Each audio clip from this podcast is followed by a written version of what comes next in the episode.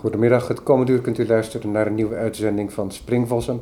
Mijn naam is Robert van Altena en vandaag zit ik in Nieuw Dakota met beeldend kunstenaar Lucas Lenglet. Lucas Lenglet die sprak ik al eens in 2016 toen hij een groot beeld had gemaakt voor de penitentiaire inrichting in Zaandam, als ik het goed heb.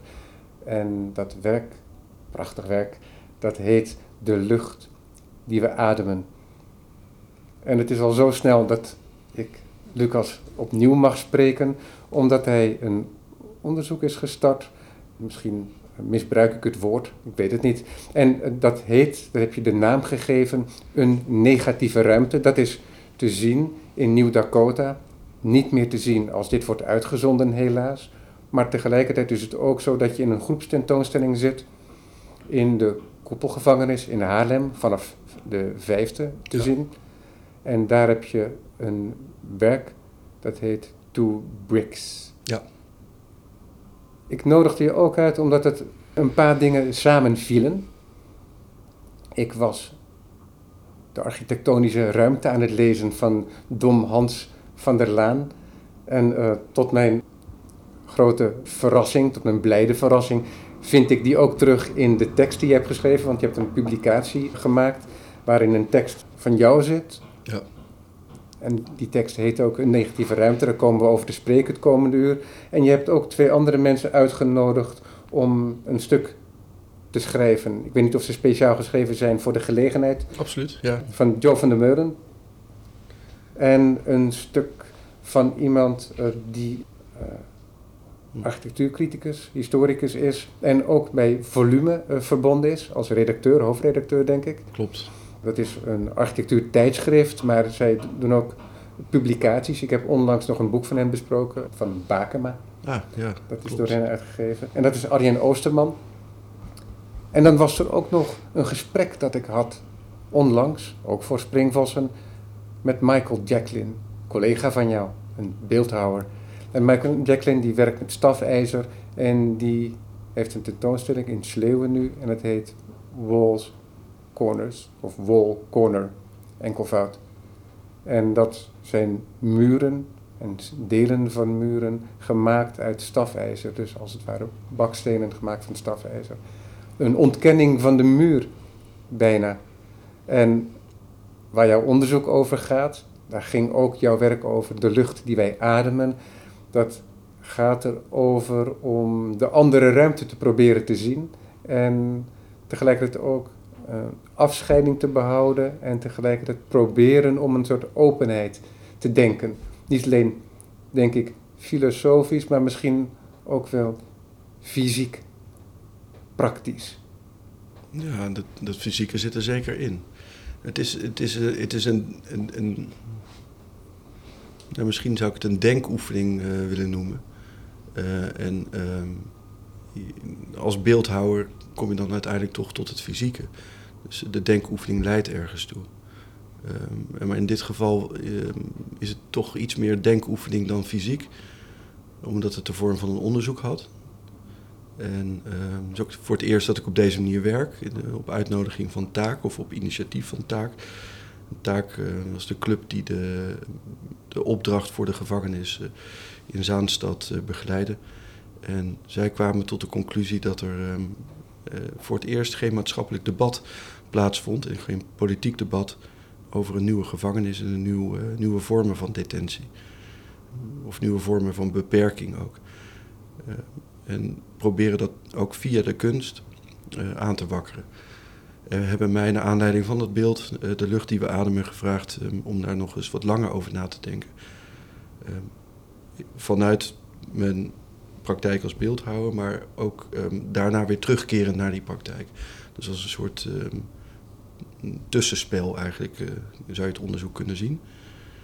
Um, met de hoop dat daar ook voorstellen uit voort zouden komen die leiden, zouden kunnen leiden tot constructies of paviljoens uh, die reflecteren op detentie en die de mogelijkheid geven om te reflecteren op detentie.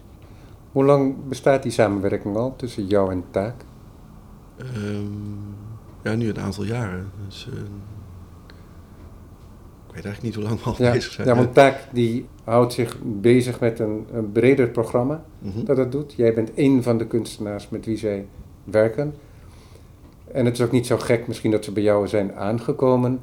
Eh, het eerste wat ik van jou zag, dat heb ik wel eens eerder gememoreerd in de recente geschiedenis. Ja. Dat was in het Goethe-instituut. Ja, En dan had je de kamer ensuite, een prachtige stijlkamer.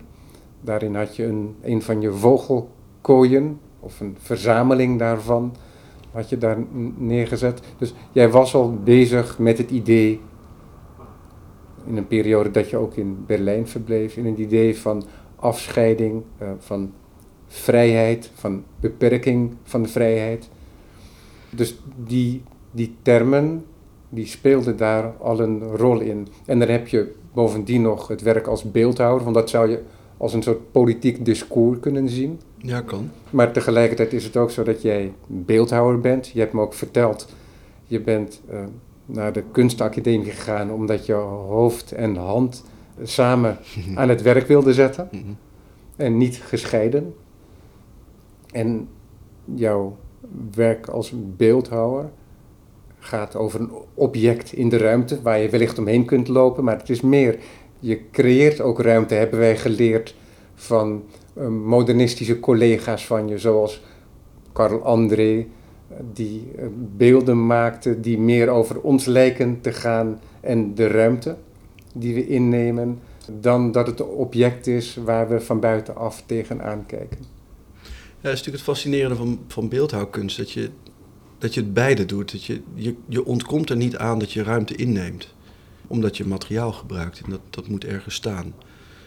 Maar die, dat werk kan natuurlijk net zo goed over de ruimte zelf gaan. En daarmee de ruimte aantonen in, in feite. Of, of kenbaar maken eh, naar je publiek.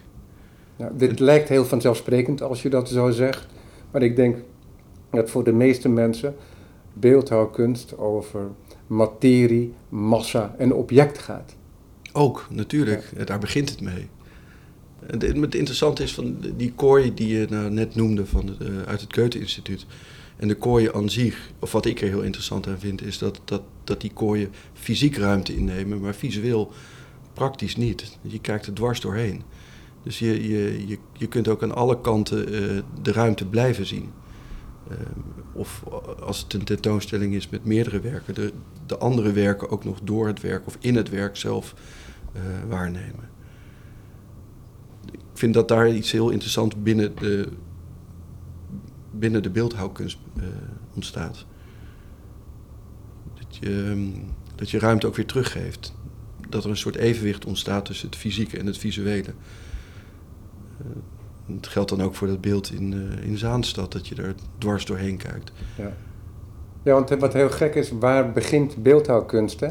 Ik heb wel eens eh, het beeld gebruikt van eh, de Romeinse auguur, de ziener, die een rechthoek aftekent met zijn staf in de hemel. Ja, Dus die niet te zichtbaar is, maar alleen maar symbolisch wordt aangegeven. Dat rechthoek, dat heet templum. En alles wat zich afspeelt binnen dat rechthoek, dat wordt dan gelezen door de ziener. Daar geeft hij dan betekenis aan. mhm. Dat heeft niet voor niks de naam templum, wat ook tempel wordt, wat een sculptuur is, een afbakening in de ruimte. En die ruimte is dan sacraal. Maar tegelijkertijd is dat, dat gebaar, dat zou je eigenlijk ook wel een beeld kunnen noemen. Absoluut. Ja, we hadden het eerder over Bruce Nauman. eh, en dat, dat gebeurt daar natuurlijk ook heel. Er is, de- ruimte hoeft niet per definitie fysiek te zijn, daar heb je gelijk in. Het kan ook eh, het innemen zijn van de, ehm, de overdrachtelijke ruimte of de symbolische ruimte. Ehm, en ik, ik hoop vaak met mijn werk natuurlijk beide te doen. Dat het ook een soort, soort aanduiding is van hier vindt het plaats. Ehm, en dat, dat hier is veel groter als, al- als alles goed gaat, als het werkt, dan, eh, dan het fysieke hier. Maar als beeldhouwer is het ook zo dat je een fascinatie hebt voor materie. Jawel, maar die, die, ehm, die speelt pas in tweede instantie een rol. Het, ehm, de, de materie die, of het materiaal komt bij, eh, bij het verhaal. Of, of bij de gedachte die, eh, die overgebracht moet worden. Maar aan de andere kant hoor ik ook vaak dat mensen zeggen: Oh, dat, ik snap heel erg dat dat van jou is. Dus dat, er is wel een soort herkenbaarheid blijkbaar. Is ook een soort voorkeur voor een, eh, voor een materiaal. Er is die term die ook veel misbruikt wordt, die term die onderzoek heet. Daar gaan we het zo meteen over hebben. Maar om een contrast te zetten, om duidelijk te maken hoe je normaal gesproken gewend bent te werken, hoe kom jij tot een beeld? Nou, ik, ik, was, ehm, ik raakte ontzettend in de war toen er me gevraagd werd om onderzoek te doen. Ehm, of nadat ik ja had gezegd uh, op die vraag. Ik zat in mijn atelier en dacht, oh jee, nu moet ik... Nu, daar, is vast een protocol voor om onderzoek te doen. En ik, uh, ik, ik, dacht dat ik dat op een academische uh, manier, universitaire manier zou moeten aanpakken. Totdat ik me bedacht dat ik altijd onderzoek doe. Ieder, ieder beeld ontstaat uit onderzoek. En onderzoek betekent uh, heel hard mijn best doen om zo open mogelijk te zijn. Uh, dus zoveel mogelijk toe te laten en zo associatief mogelijk te denken. Dus het begint natuurlijk wel met, met een soort vraagstelling of een, of, of een fascinatie of een, een korte gedachte. En daar, uh, ja, daar, zoek, daar zoek je dan beelden bij. Of dat, ik vraag me af wat anderen daar dan van vinden of over ge, gezegd hebben. En dat is, dat, dat is heel los. Dat is heel uh, eclectisch. Ik, ik, ben echt een consument. Ik, ik haal een beetje van hier en een beetje van daar. Ik, ik ga niet beweren dat Foucault van A tot Z gelezen heb. Ja, Foucault, die ja, heel veel geschreven heeft over wat hij dan noemt de archeologie.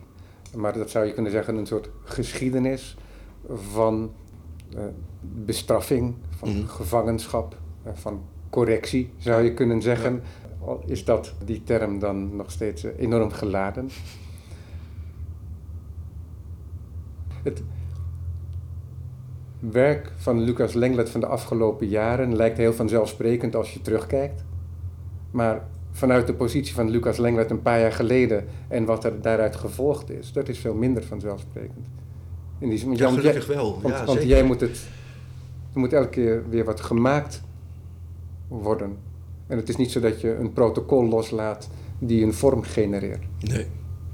Het is iedere keer op zoek naar een nieuwe uh, uh, set of rules die de beperking, uh, die, die, voldoende, ehm, die voldoende beperking aan de vrijheid oplegt eigenlijk. Want die, die, die, die, die eeuwige vrijheid of die oneindige vrijheid, daar heb ik niks aan. Daar kan ik helemaal niks mee. Ik denk niet dat iemand er iets mee kan. Nou, wat dan net over onderzoek, maar het, onderzoek wat leidt tot het maken van een beeld is in feite het, het zoeken naar grenzen. Van welke beperking kan ik vinden, waar, waar voel ik me goed bij, om binnen te opereren.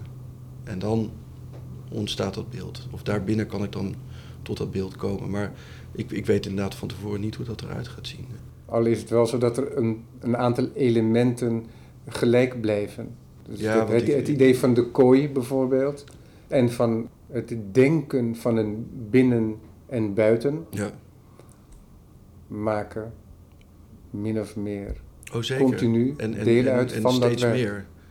En het, het, ik merk ook, of ik, het, het, speelt zich ook steeds meer op, op die grens af. Dus waar, uh, waar ik eerst vanuit soort in heel erg algemene zin architectuur gebruikte, um, als uh, eh, plek om je af te zonderen, maar ook eh, de plek van bescherming. Um, is het denken, heeft het denken zich veel meer verplaatst naar de overdrachtelijke zin daarvan. En uiteindelijk de beperking van waar is die grens dan tussen dat binnen en buiten. Dat is inderdaad de muur of uh, de opening daarin, uh, het raam. En wat ontstaat daar? Dan kan ik dat nog verder terugbrengen tot, tot die lijn misschien wel niet zo, of dat vlak, uh, moet ik eigenlijk zeggen. Ja, ja. Waar, ik nu dan aan moet denken is aan 2001 A Space Odyssey, waar aan verwezen wordt als de monolith. Ja. Een, een, rechthoekige plaat staat er opeens op aarde. Wat ik vermoed dan dat de aarde is. En dat object, dat kun je tegelijkertijd ook zien als poort. Ja, prachtig. Ja, ja. Het, uh, dat werk van Richard Serra in de woestijn, in, ik weet eigenlijk niet welk land dat is. Die heeft die enorme platen ook uh, in de woestijn neergezet. Moet altijd, die, die koppel die twee altijd aan elkaar. Ja, de vraag is um, hoe groot die plaat moet zijn. Wil het een muur zijn en, en wil het voorbij gaan aan het portaal? Of de doorgang. Uh, en daar zit wel een grens aan. Die, die is ook, ik denk dat je die heel intuïtief kunt duiden. Dus als die plaat dan 20 meter hoog is, dan bij 35 meter, dan gaat het voorbij aan het portaal en dan wordt het een wand. Zoiets. Ja. Je hebt zo'n hele mooie parabel van Kafka, dat ken je vast. Dat heet Voor de wet, voor dem Gesetz. Nee. En, nee? Ah, dat is heel mooi. Um, nou, dat, dat stuur ik je dan vanavond sowieso toe. Maar ik kan het wel samenvatten. Dus er komt een figuur die komt bij een poort aan. Er staat een wachter bij de poort. Hij vraagt of hij naar binnen kan. Nou, dat, dat kan niet, maar je zou het kunnen proberen, zegt de wachter. Maar weet, ik ben de eerste wachter. En ik zelf zou al niet voorbij de derde wachter kunnen komen. Zo onverbiddelijk is het. En uiteindelijk blijft die man daar zitten tot hij oud wordt. Mm dat gesprek is door blijven gaan. Die wachter heeft nog wel een beetje voor de man gezorgd zelfs. En uiteindelijk zegt die man, wat, wat is die poort dan? Want ik zie er nooit iemand binnengaan. En de wachter zegt dan tegen hem, die poort die was er voor jou. Maar nu is het te laat en uh, wordt de poort gesloten. En dat is het einde van het leven. Ja. En dus dat was nog een opening zelfs. Maar de opening die werd tot een muur gemaakt door een gedachte. Mm ja. Ik moest eraan denken toen ik gisteravond aan jouw werk dacht. Omdat jij die afbakeningen maakt die ook altijd open zijn. Mhm. En daar word je altijd ook direct zelf door aangesproken, omdat je jezelf verhoudt tot die ruimte. Dus vandaar dat ik dit zomaar uh, plomp verloren in het gesprek uh, breng. Ja. Een negatieve ruimte. Je hebt een tekst geschreven je bent niet gebruikelijk om teksten te schrijven over je eigen werk. Je maakt misschien wel notities. Mhm. Of ook dat niet? Jawel, zeker. Ja, ja dat is, maar dat zijn de, de, krabbels, de, de verzameling, uh, flarden. En die, uh, die, dat waren er op een gegeven moment zoveel dat ik dacht, ik, dat moet misschien toch eh, bij elkaar gebracht worden. En een tekst ehm, worden. Omdat de, de voorstellen, dus de ruimtelijke voorstellen, de schetsen, misschien ook niet direct leesbaar zijn. En ik wilde graag, um, ik wilde die graag meenemen in mijn hoofd. Dus ik heb, ik heb ook de tekst vanuit mezelf geschreven. Um, het woord ik komt er enorm vaak in voor. Dat, is, dat vond ik ook echt belangrijk. Dat je, dat je met me mee lopen door mijn hoofd. Misschien zijn niet, ik, ik noem een aantal voorbeelden die belangrijk zijn geweest in, uh, in mijn denken. En dat zijn een aantal kunstenaars, maar dat zijn ook wetenschappers, schrijvers. Die worden eigenlijk kort na elkaar genoemd. En uiteindelijk komt dat steeds meer bij elkaar uh, in die tekst. En aan de hand van die tekst kun je, denk ik, die voorstellen ook veel beter lezen. En een van de dingen waar ik het over heb is leegte. Ik kwam tot, tot een soort conclusie. Ik begon het onderzoek door gevangenissen te bezoeken. En ik wilde een aanleiding hebben om die gevangenis te bezoeken. Niet zomaar daar rond te lopen, maar ook iets doen. Dat is misschien het hoofd en het hand, wat daar dan, uh, de hand die dan daar samenkomen. Um, door portretten te gaan maken van gevangenismuren. En ik dacht, als ik dat vaak genoeg doe, dan spreekt die gevangenis vanzelf tot mij.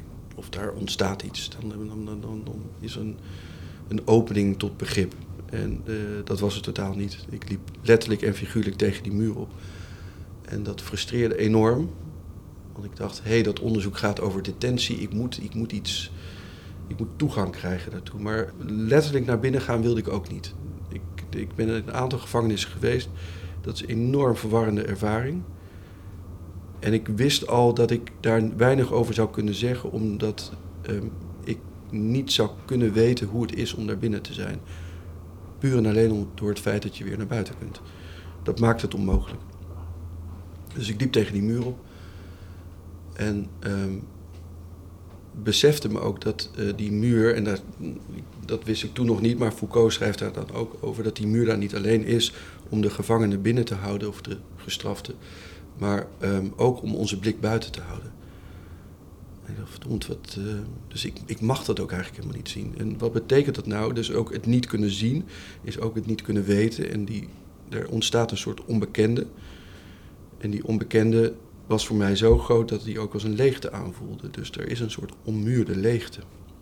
En dat is een heel gekke situatie. En dat is al de situatie anders gedacht. Er wordt iemand uit de maatschappij gehaald en die wordt in het gevangen gestopt. Ter correctie, zoals dat heel vroeger werd genoemd. En nu denk jij het anders. De manier waarop jij het nu presenteert, is het ook zo dat die persoon in een situatie belandt en dat persoon en situatie aan ons zicht worden onttrokken. En dat dat deel is van het ja, programma. Wat ik me nu het is in ieder geval een consequentie. Zegt, is dat die uh, persoon natuurlijk ook een leegte weer achterlaat. Uh, uh, in de maatschappij. Ons, ja. Oh, wat goed. Ja. Ehm, maar het, um, ja, het is aan het zicht onttrekken, maar het is ook het, um, het niet willen omgaan met een, met een negatieve situatie. het op afstand plaatsen. dat doe je ook met, met dingen die je, die je zelf meemaakt die niet prettig zijn die probeer je ook eh, weg te zetten en eh, in te kapselen. Ja, dat beschrijf je ook in je tekst.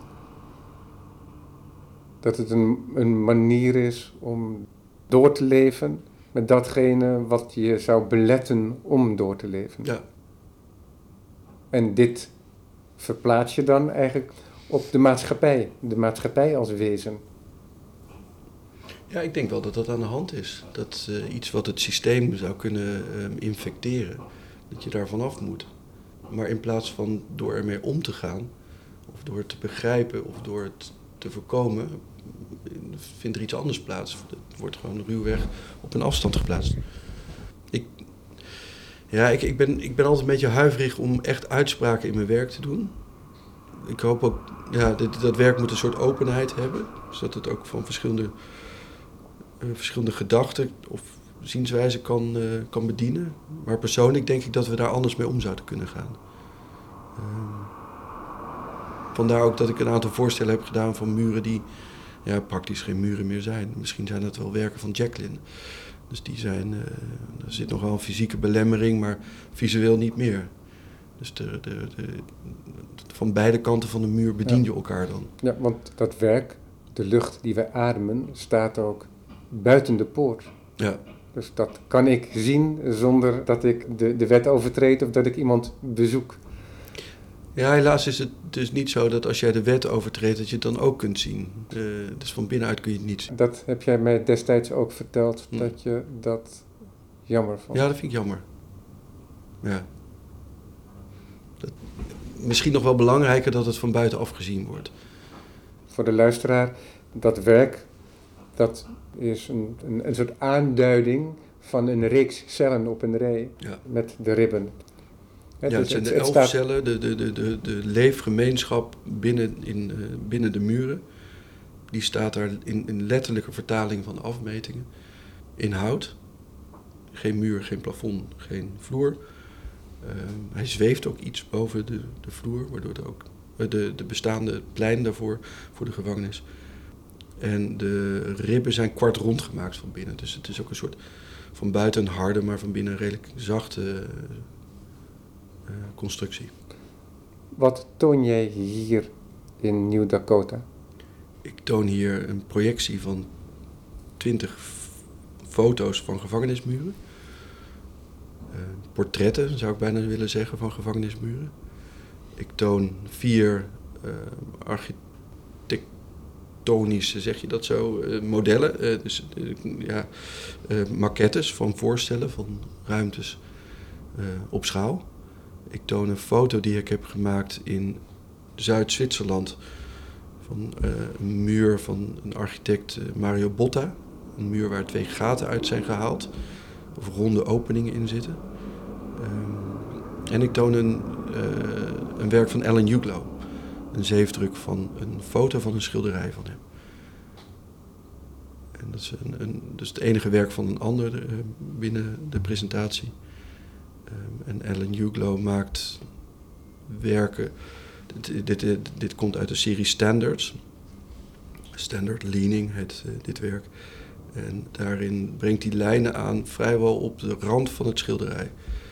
En ik vond die werk altijd heel fascinerend, omdat ik het idee had, misschien ook omdat ik weet dat Huglo een, echt een voetbalfan, een eh, supporter was, dat het speelvelden zijn. Misschien is het wel een veel te makkelijke interpretatie, maar het speelveld, de aanduiding slechts met een paar lijnen um, en die leegte die daar binnen is, dus um, eigenlijk waarbij die aangeeft dat er, een, dat er andere regels op het vlak van het schilderij uh, gelden dan daarbuiten vond ik heel fascinerend en, en speelde ook een grote rol in het denken in het onderzoek. Hoe, hoe geef je dat dan aan, dat die regels anders zijn? En waarom zijn er andere regels? En hoezo is het zo dat er voor bepaalde mensen deze regels gelden en voor andere mensen andere? Ja, want wat interessant is, is dat dat eigenlijk ook voor de maatschappij geldt. Hè? Het is zo'n speelveld, het is een mm. soort pas pro toto. Want we doen net alsof het een natuurlijke situatie is waarin wij hier zitten en dan gedeeld met alle andere mensen, in een land, in een politieke eenheid, in diversiteit, die je de Europese gemeenschap zou kunnen noemen, enzovoort, enzovoort. Hè. Je, in, dat kun je in vergrotende trap doordenken. En dat gaat al lang al niet meer alleen maar over geografische barrières. Nee. Waarin gebieden werden. Nee, het is niet de bergen of de rivier. Of de... Dat zijn afspraken. Ja. En ja, die afspraken die worden opgelegd deels. Of je wordt erin geboren, je leeft erin. Maar op zo'n manier ook dat je niet doorhebt dat je erin leeft. Ja, tenzij je te veel tegen die rand aanschukt. Ja, dan, dan, kom je er wel achter. Dan kom je erachter. en dat tegen die rand aan zitten, dat heb je zojuist eigenlijk ook gezegd. Dat je steeds meer op die scheiding bent gaan zitten. Dus niet in de ruimte, niet in constructie, maar laten we zeggen de muur. Mhm. En daarin spreek je ook over in je tekst, is dat je dat kunt zien als grens mhm. of als begrenzing. Ja, ik las dat, of ik hoorde dat eigenlijk bij Richard Sennett, de socioloog. En die haalt uh, Gould aan. Een, Bekend eh, van de schoonheid en de troost, denk ik wel, bij het publiek. Daar zat hij in, in die serie, volgens mij. Ja. Um, ongelooflijk uh, begnadigd verteller ook. Maar Sennett heeft het over Gould en die, uh, die, die spreekt vanuit de celbiologie. En die maakt het onderscheid tussen een celwand en een membraan. De celwand is ondoorlaapbaar en de membraan uh, is permeabel en bedient eigenlijk beide kanten van, die, van dat membraan. En hij rekt dat nog, nog wat verder op. Hij schrijft ook over daar waar twee uitersten elkaar ontmoeten. Je hebt eigenlijk nee, twee dingen. De, de tijger die zijn territorium uitzet. de grenzen van het territorium zijn eigenlijk dood. Daar vindt geen uitwisseling plaats. Van de dieren buiten dat territorium kerken wel uit om dicht bij die grens te komen. En de tijger zelf heeft er niks te zoeken, want die heeft zijn uh, gebied sowieso al. Dat is een begrenzing. Maar je hebt ook de grens tussen uh, water en land, zee en land. En dat is de plek waar de evolutie plaatsvindt. Daar vindt een uitwisseling plaats die enorm vruchtbaar is. Ja, het water uit en in het geval van de dolfijnen, van de zoogdieren die het water weer in zijn gegaan, ja. ook het water weer in. Ja. En dat is als je het dan over detentie hebt of over, um, over het uitzonderen, afzonderen van mensen, dan kan ik me voorstellen dat die zachte grens die veel beter werkt dan de begrenzing. Uh, het, die uitwisseling constant blijft. Wat heel gek is ook in de projectie van de beelden, van de foto's die je hebt gemaakt van die gevangenismuren is ook te zien dat sommige muren echt formidabel zijn. Dus je hebt een opeenstapeling van harde lijnen. De, de straat, de stoep, behalve wat onkruid is het allemaal onverbiddelijk, allemaal toegedekt. En dan een muur, een muur vaak als een tweetrapsraket. Ja. Met, met twee elementen waarop nog een soort uh, balustrade is gemaakt om de laatste zet te geven. En uh, van, uh, van de afsluiting.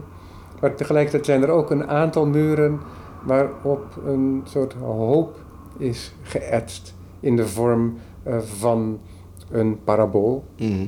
Die, die muur iets lijkt te breken, lijkt te openen. En bij één zelfs dat er een aanduiding is, een hele fijne aanduiding, van iets van een kelk. Alsof de muur kan wijken naar boven toe. Ja. ja, idioot, hè? want aan de andere kant van de muur zie je niets. Dus er is Ah, dat is alleen voor ons, Ja, voor buitenstaanders. dat. eh, en ik, ik weet niet zo goed waarom dat is. is dat, ja, dit het is een decoratie, het is een verfraaiing. Ehm, die eh, misschien de gruwelijkheid van die muur een beetje moet eh, verzachten. Ehm, en het is een van de weinige plekken waar de architect eh, ehm, eh, zijn artis- artisticiteit in kwijt kan. Ja. Want wat jij zegt, dat is denk ik ook wel waar, en dat is waar Foucault over gaat, denk ik, is het volgende: dat de gevangenis in een gebied, in een land, de maatschappij weerspiegelt. Mhm. Dus het soort gevangenis zegt iets over, eh, over de maatschappij. En dat is, dat zou je kunnen lezen. Ik heb in de kantlijn zelf geschreven, dat is een symptoom. Mhm. Maar tegelijkertijd ging ik erover nadenken. En toen dacht ik van, oh, het is wel interessant om het anders te denken. Want jij stelt het eigenlijk anders voor. Je stelt het harder voor. Jij stelt voor dat daar ergens een begin is. Een begin, eh, namelijk dat het niet een, een, een bijkomstigheid is van de maatschappij, maar dat de maatschappij daar ook in de omgang met de uitgeslotenen, met de tijdelijk uitgeslotenen, of de zich uitsluitende, sluitenden, Kan ook, ja. hè, want dat is net hoe je dat ziet, ehm, dat de gevangenen en de omgang met die gevangenen, dat daar de maatschappij gedacht wordt. Ik, ja, in een zekere zin is dat ook zo. Ehm, of zie ik dat ook zo. Ik, ik vind het nog steeds heel moeilijk om daar, eh, om daar mijn, eh, mijn vinger op te leggen. Het, het is natuurlijk een heel talig iets ook. Hè? We, we, we kunnen ook alleen maar denken in tegenstellingen. We hebben geen... eh, net hadden we het over binnen en buiten, maar daar zit ook... Er is geen woord voor iets wat daartussenin zit. Open, kun- dicht. En het membraan, dat is al een ambivalentie. dat, ja, dat, daar, daar, dat is misschien een goed woord van wat daar wel tussen zou kunnen zitten. Maar de- we, we denken alleen eh, bij de gratie van de tegenstelling. En daarom wil ik ook deze titel gebruiken, eh, een negatieve ruimte. Omdat het nog maar zeer de vraag is welke ruimte dat dan is. Eh, welke ruimte ik bedoel of ermee bedoeld zou kunnen worden. Het is ook niet de negatieve ruimte. Dus als het dan over detentie gaat, dan zal het merendeel van de mensen denken: oh, daar binnen de gevangenis, dat is eh, een negatieve ruimte. Maar eh, misschien is het andersom. En ehm, is het positief van de gevangenis ehm, ehm, bepaalt het negatief van daarbuiten? Het is, het is natuurlijk niet ont, ontwarbaar. Want de, nou ja, de, de- de- het systeem buiten de gevangenis denkt het systeem binnen de gevangenis nodig te hebben om daar buiten te kunnen functioneren. Ja. Weet je wat gek is? Er zijn een paar dingen gezegd hier, en er zijn ook een paar dingen waar je over schrijft, die daarmee corresponderen. Dat er twee dingen zijn. Enerzijds zeg je, ik loop tegen die muur aan en ik kan die andere kant niet denken. Nou, Je kunt er een beeld van vormen, maar het zou heel aanmatigend zijn als jij een dag in die cel zou zitten, dat je zou weten wat dat is. Want, Ja, dat is jij, zit daar, daarvoor, ja. want jij zit daar niet werkelijk. Dus het is niet voelbaar en niet denkbaar. Tot op zekere hoogte. En aan de andere kant hebben wij gezegd, onze maatschappij wordt daar gedacht. Dus ehm, wat zich daar afspeelt en de manier waarop dat gebeurt, dat zijn wij. Alleen is het tegelijkertijd ook zo dat datgene wat wij zijn, hoe wij ons heel goed zouden kunnen zien als maatschappij, wat wij als maatschappij zijn en misschien wel wat we zouden willen, Mm. hè, het woord ideaal, komt daarin ook wel eh, tevoorschijn. Het is niet voor niks dat de Bijlmer Bayers destijds gebouwd in een wereld waarin heel erg naar voren werd gekeken, werd gebouwd zonder tralies. Ja. Een unicum in de wereld. Mm. Kwamen ze ook snel van terug. En dus dat het enerzijds Dus dat het ondenkbare is, maar Ja. anderzijds zijn wij het. Maar we kunnen onszelf als het ware niet zien, want we worden aan ons eigen blik onttrokken, daar waar we onszelf het duidelijkst zouden kunnen zien, wellicht. Ja, ik, ik denk niet dat het ehm, de mens, de uitgezonderde mens is die, eh, die de spiegel is van de andere kant. Nee, de- het- het systeem waarin Het je geplaatst systeem, wordt. Ja. En het systeem wordt toch ook hier uitgedacht, aan deze kant van de muur. Ja. Ehm, Ja, want waar je dan ook mee te maken hebt, en dat geldt ook voor de kunstenaar, denk ik, is dat je een regel hebt en je hebt uitvoering. Ehm, en sommige kunstenaars, ehm, de conceptuele kunst, die eh, heeft dat als het ware tot, tot praktijk gemaakt. mhm. Is dat je een regel stelt en dat je daaraan vasthoudt. En dat je de vormen die de consequentie zijn van de regel. Ik denk nu bijvoorbeeld aan Solowit. Ja. Die schrijft een paar regels voor en die worden uitgevoerd. En de vorm is een consequentie van de regel. En de kunst was altijd dat je een regel hebt, een gedachte, maar dat het maken het altijd veranderde. Het materiaal kon het Mhm. veranderen, maar het was een soort heen en weer tussen het boetseren ook van de kunstenaar en het eh, verzet van het materiaal. ja. En jij bent een kunstenaar die niet per definitie alleen maar met dat concept bezig is en de regel volgt die hij zichzelf even opgelegd heeft. En de maatschappij legt wel een bepaalde regel op ter organisatie van die maatschappij. ja, en daarom is het ook zo belangrijk dat er kunstenaars zijn. En daarom bestaat er ook zoiets als jurisprudentie natuurlijk. Dus er bestaat wel. Het is niet alleen maar een harde regel, er is ook, er is ook een vorm van interpretatie daarin. Maar, Ja, maar sterker nog, die, die, eh, die, eh, die verandert constant. Ehm, en het interessante is, ehm, ik sprak Mark Schuilenburg, ehm, die verbonden is aan de afdeling criminologie van de VU. En die vertelde dat er in, eigenlijk een enorme discrepantie is tussen de door de publieke opinie gevoede politiek, de uitspraken die in de politiek gedaan worden, en ehm, het, eh, de daadwerkelijke uitvoering van het ministerie van Justitie. Ehm, en dat het ministerie van Justitie veel menselijker, zachter is. Dat dat systeem veel meer op maat op, op, op het individu eh, gericht is. Eh, En dat die resocialisatie veel hoger, ehm, eh, hogere prioriteit heeft dan je zou denken wanneer je de politiek hoort spreken. Want die heeft het alleen maar over nog harder en strenge straffen. repressie. Ja, sterker nog, eh, er worden voorstellen gedaan van een idiotie.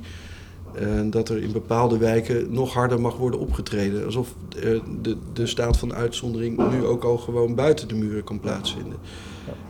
Dat, ik, ehm, maar dus, de, de- dat is, het systeem is aan verandering onderhevig. Ehm, er is zoiets als ehm, ehm, eh, voortschrijdend inzicht. Gelukkig. Alleen hoor je het niet terug.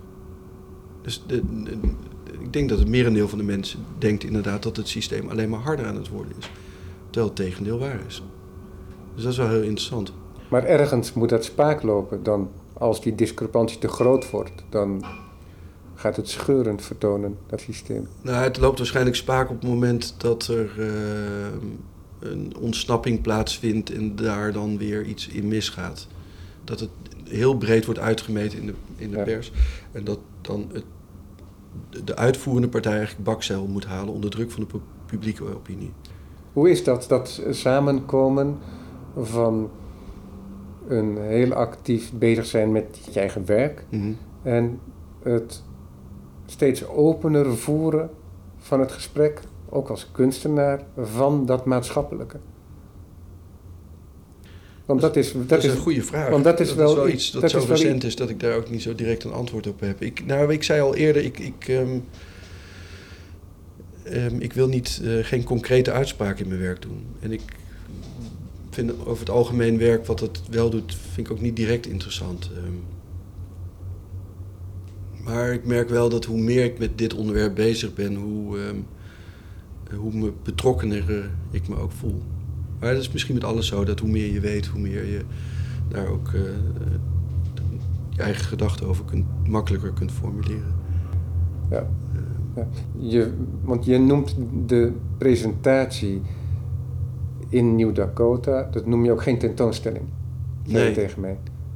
Ja, dat, ik, ik weet helemaal niet of dat terecht is om dat onderscheid te maken. Uh, maar omdat het een nieuwe manier van werken is, omdat er, ik, uh, om, omdat er ook een heel gedeelte van het werk in tekst eigenlijk zit, in woorden. Dus uh, normaal gesproken werk ik vanuit beelden en dan, dan zoek ik een, een, een relatie tussen de verschillende beelden en die vormen dan een tentoonstelling. En ehm, nu is ook heel duidelijk één onderwerp. Dus ik vond het ook wel interessant als mensen dat op een andere manier zouden benaderen en niet alleen maar op de beeldende kwaliteiten, maar ook um, ja, wat um, misschien ook studieuzer zouden benaderen. Ja. Dus een andere blik. En ook met een maatschappelijke blik. Ja, want je kunt jouw werk, zelfs als het voor de gevangenis staat, dat kun je ook gewoon als een werk zien nog. Want het is geen illustratie van een theorie. Nee, dus, nee, nee, dus, nee maar. En dat is hier ook niet het geval. Snap je? Het, nee, want ik ben het, natuurlijk het, zijn, het zijn sporen van je gang in dat onderzoek. Want tegelijkertijd staat er bijvoorbeeld ook een model van een werk wat je daadwerkelijk gaat uitvoeren. Ja. In de koepelgevangenis in Haarlem Die heb je net geïnstalleerd. heb ik net geïnstalleerd. Het, eh, je noemde het al, two bricks. Mies van der Rohe heeft ooit gezegd... ehm, architectuur begint bij het zorgvuldig op elkaar plaatsen van twee stenen. Ik was me zo aan het, op die muur aan het richten. Ik dacht, misschien moet dat ook steeds nou ja, tot de kern van die muur. Van hoe, hoe werkt dat dan? Nou, dat zijn inderdaad twee stenen, bakstenen die je op elkaar legt. Ehm, en toen heb ik onderzocht hoeveel verschillende mogelijkheden je eigenlijk hebt om eh, twee stenen bij elkaar te plaatsen. En, Maar zo dat ze één vorm maken. Ja, en zo dat je er ook door kunt waarschijnlijk ook. Of dat je ermee door kunt. Ja. Ja, dat, het is toch een beetje een denkoefening, maar beeldend werkt het op een of andere manier heel interessant, omdat eh, de, de restruimtes tussen de stenen eh, ook weer een, eh, een ruimte gaan vormen. En vormen die variaties dan ook weer een geheel? Of kijken we echt tegen onafhankelijke... Nee, die vormen één geheel. Ja. Het is een, een soort, eh, soort wolk aan mogelijkheden. Ik pretendeer daar ook helemaal niet in volledig Ja, te ik zijn. moet nu, ehm, zonder het werk te hebben gezien, maar ik heb één fotootje langs zien Ja. komen dat je het aan het installeren bent. Denken aan Pier en Oceaan of compositie nummer 10 van Mondriaan.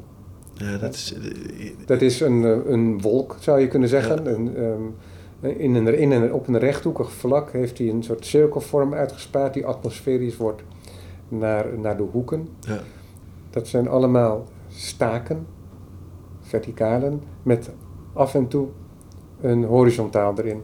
Er bestaan ook variaties dat er meer horizontaal in zitten, maar dan worden het meer een sterrenhemel. Ik zag hem ook. En eh, er zijn meer mensen die, die, eh, die hem Ja. zagen.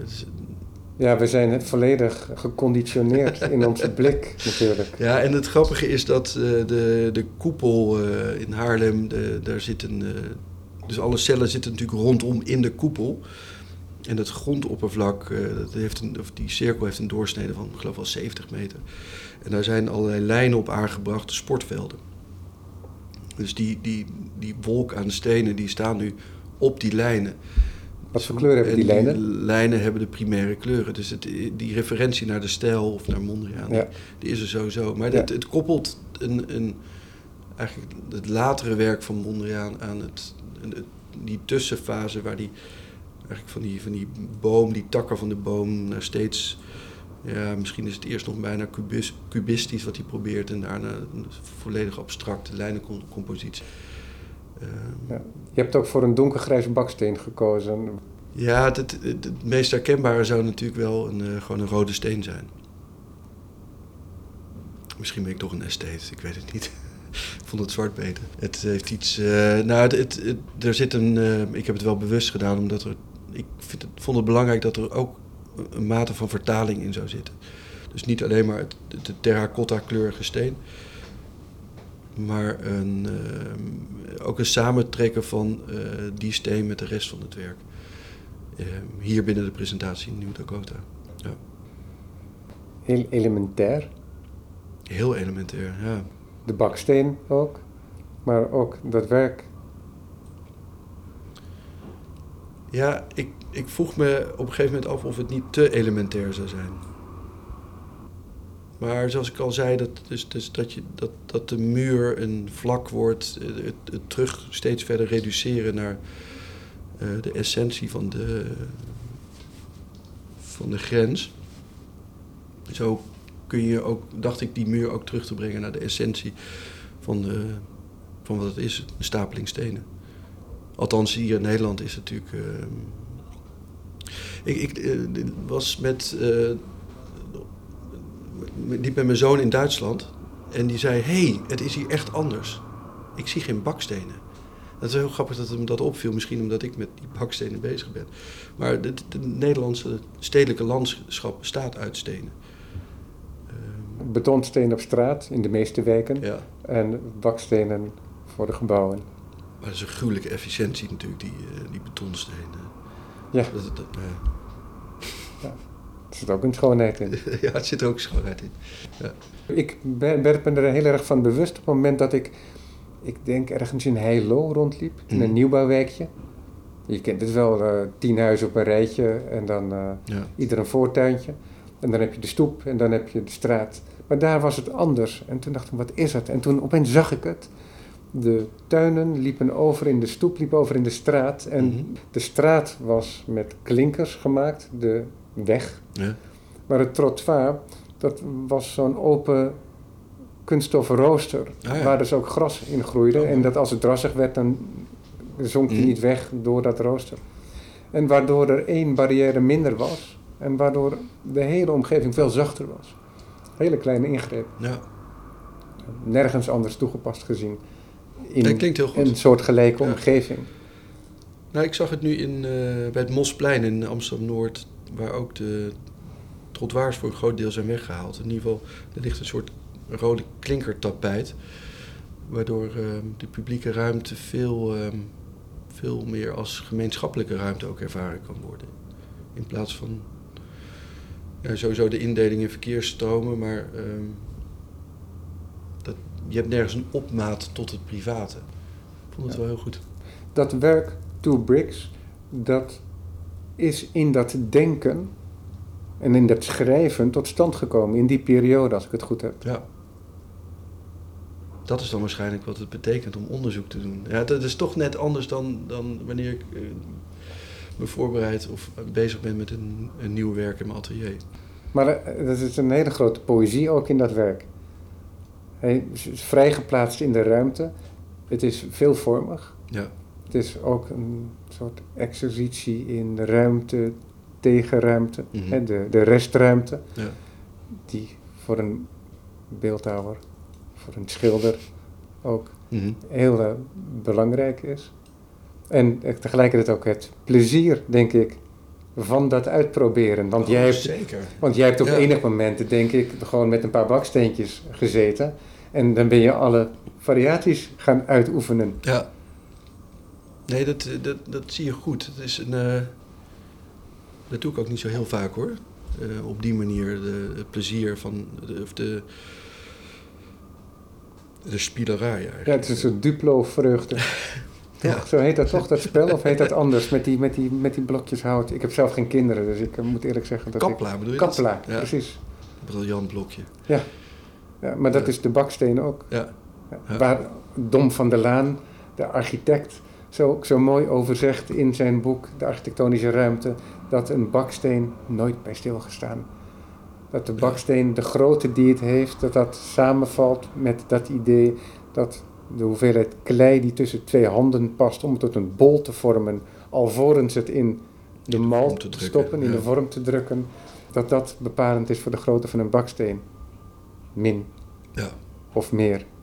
Ik heb ehm, voor het werk met de bakstenen ook voor een ehm, vormbaksteen, een bakvorm, nee, vormbaksteen steen. Dus je hebt verschillende vormen hand, uh, bakstenen. Tegenwoordig heb je ook veel wat vanuit de strengpers komt. Dus dat is gewoon mechanisch druk en dan wordt het door een opening geperst. En dan is die... Als een soort worst. Ja, die steen is extreem recht. En, uh, en hier zitten nog vrij veel onregelmatigheden in. Ik ben ook uh, naar de fabriek geweest van Rodruza. En dat is ongelooflijk mooi om te zien hoe die stenen gemaakt worden. Dat dat, hoe machinaal ook daar toch een soort ambachtelijkheid in zit... die, uh, die een hele mooie steen oplevert ook. Dus de, ik vond het ook wel belangrijk dat het een een steen is die je, als je ernaar kijkt, kunt voelen. Alsof je hem in je hand kunt hebben. Is die materialiteit belangrijk voor jou? Ja, vaak wel. Want je hebt um, monomane kunstenaars zoals Michael Jacklin, die altijd met stafijzer werkt. Als tiener, zei hij me, wist hij al oh ja? dat ijzer zijn materiaal was. Maar Adam Colton, mm. andere beeldhouwer, die heeft met glas gewerkt, die heeft met chroom gewerkt, ja. met metaal, met klei, met hout. Elke keer is het weer een enorme strijd, maar toch vindt hij het nodig, kennelijk, mm. om zich uit te drukken in een ander materiaal. Ja, wat Jacqueline doet zou ik niet kunnen. Zo werkt mijn hoofd ook helemaal niet. Ja. Nee. Ja. Dat, uh... Maar heb jij wel een verhouding tot materiaal? Heb je voorkeuren daarin? Nee, ik, ik denk, ik denk het eigenlijk niet. Nee, je ziet natuurlijk wel vaak metaal bij mij terug en hout. Ik, bij, bij sommige beelden is het ook, vind ik het ook heel belangrijk wat de uh, productiewijze is. Hoe, hoe, laten we zeggen, hoe hard je ergens op moet slaan, wil het, uh, wil het zich vormen. Um, en bij dat beeld voor... De, de, de, manier waarop het gewonnen wordt, als het ware. Ja, ja, de, dat beeld voor de gevangenis, dat, daarbij was, vond ik het heel belangrijk dat het hout was. Dat het iets is wat um, een leven nodig heeft gehad om te groeien. Uh, en uh, wat, ook, wat ook goed aanvoelt. En werk in publieke ruimte kun je natuurlijk op voelen. Dat is in tentoonstellingen vaak wel anders. Ja, bij die maquettes vond ik dat ook best, die modellen vond ik dat best lastig om te bepalen wat dan het materiaal moest zijn. Van in, in welke mate van afwerking of abstractie heb je ook nodig om, uh, om wel een duiding van een idee te geven. En uh, waar komt het dan op te staan? Moet die is die tafel, die dragen onderdeel van het beeld? En ik, ja, ik zie het dan toch weer als beelden. Een model is ook vaak een theater. Ja. Er zit in iets van een, een doen alsof in. Ja, dat is zeker. Ja. tenzij je daadwerkelijk een, een werk op klein niveau zou maken, wat ook niet ondenkbaar is natuurlijk, maar dan moet je het anders denken. Want als ik Two Bricks hier zie, dan je ziet hem, maar tegelijkertijd kan ik dat werk ook zien, want het is minuscuul, mm die baksteentjes. Ja. Tegelijkertijd kan ik dat werk ook zien, eh, zo groot als manshoogte. Dus dat het niet gaat om bakstenen, maar om enorme monolieten. Dat, zou nog, um, dat is nog wel een wens om het ook op die manier... Een dolmen groot. Ja. ja. Heb je al zo'n dolmen gezien? Ja. Fascinerend toch? Ja. Zo'n steen die, uh, waarvan je geen idee hebt hoe die er gekomen kan ja. zijn. Maar die gedachte met betrekking tot het werk Two Bricks, die, was, ja. die speelde ook bij jou een rol. Over die, dat idee van schaal, van dimensie. Ja, ik heb heel bewust geen schaal miniatuurmensjes erbij gezet. Dus, er, ehm, dus het, het moet ook, uh, of het is ook interessant dat het alle kanten op kan nog. Want daardoor kan ik weet niet wat er met mij gebeurt als ik in die koepelgevangenis rondloop en het werk zie. Misschien zou ik dezelfde gedachte hebben gehad. Maar ik kan in ieder geval zeggen dat het werk zoals het hier gepresenteerd wordt, mm -hmm. hè, in zijn representatie, ja. dat me dat toestaat om die schaal anders te denken. Dus als, als reusachtig, uh, daadwerkelijk.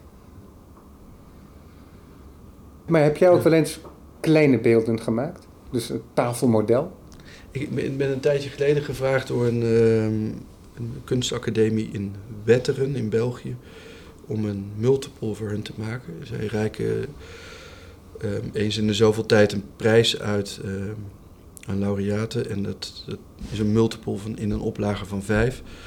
En toen werd ik gedwongen dus om kleiner te denken en om in reproduceerbaarheid te denken, want uh, die, die moesten natuurlijk allemaal gelijk zijn.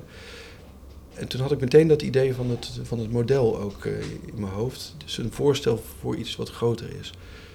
Ehm, ik, ik, ja, misschien omdat dat denken vanuit de architectuur zo in me, me, me zo eigen is, moeten kunnen, nee, moeten beelden vaak ook de verhouding tot de mens aankunnen. En verhouding tot de bebouwde omgeving. En tot de bebouwde omgeving, ja. Dus alles wat klein is, is eigenlijk een model voor alles wat groot zou moeten zijn. Dat, Ja. ja.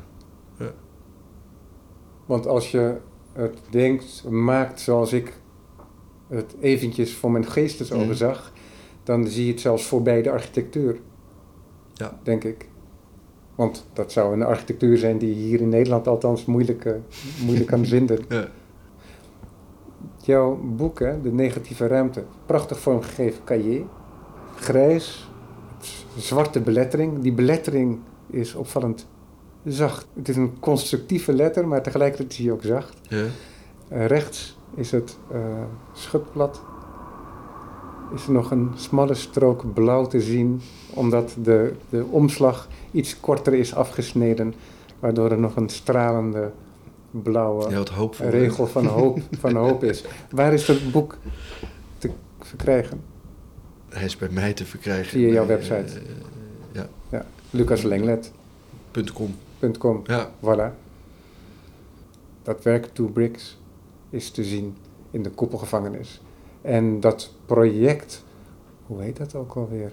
architectural healing. Architectural Healing. Ja, Dankjewel, Lucas. dankjewel.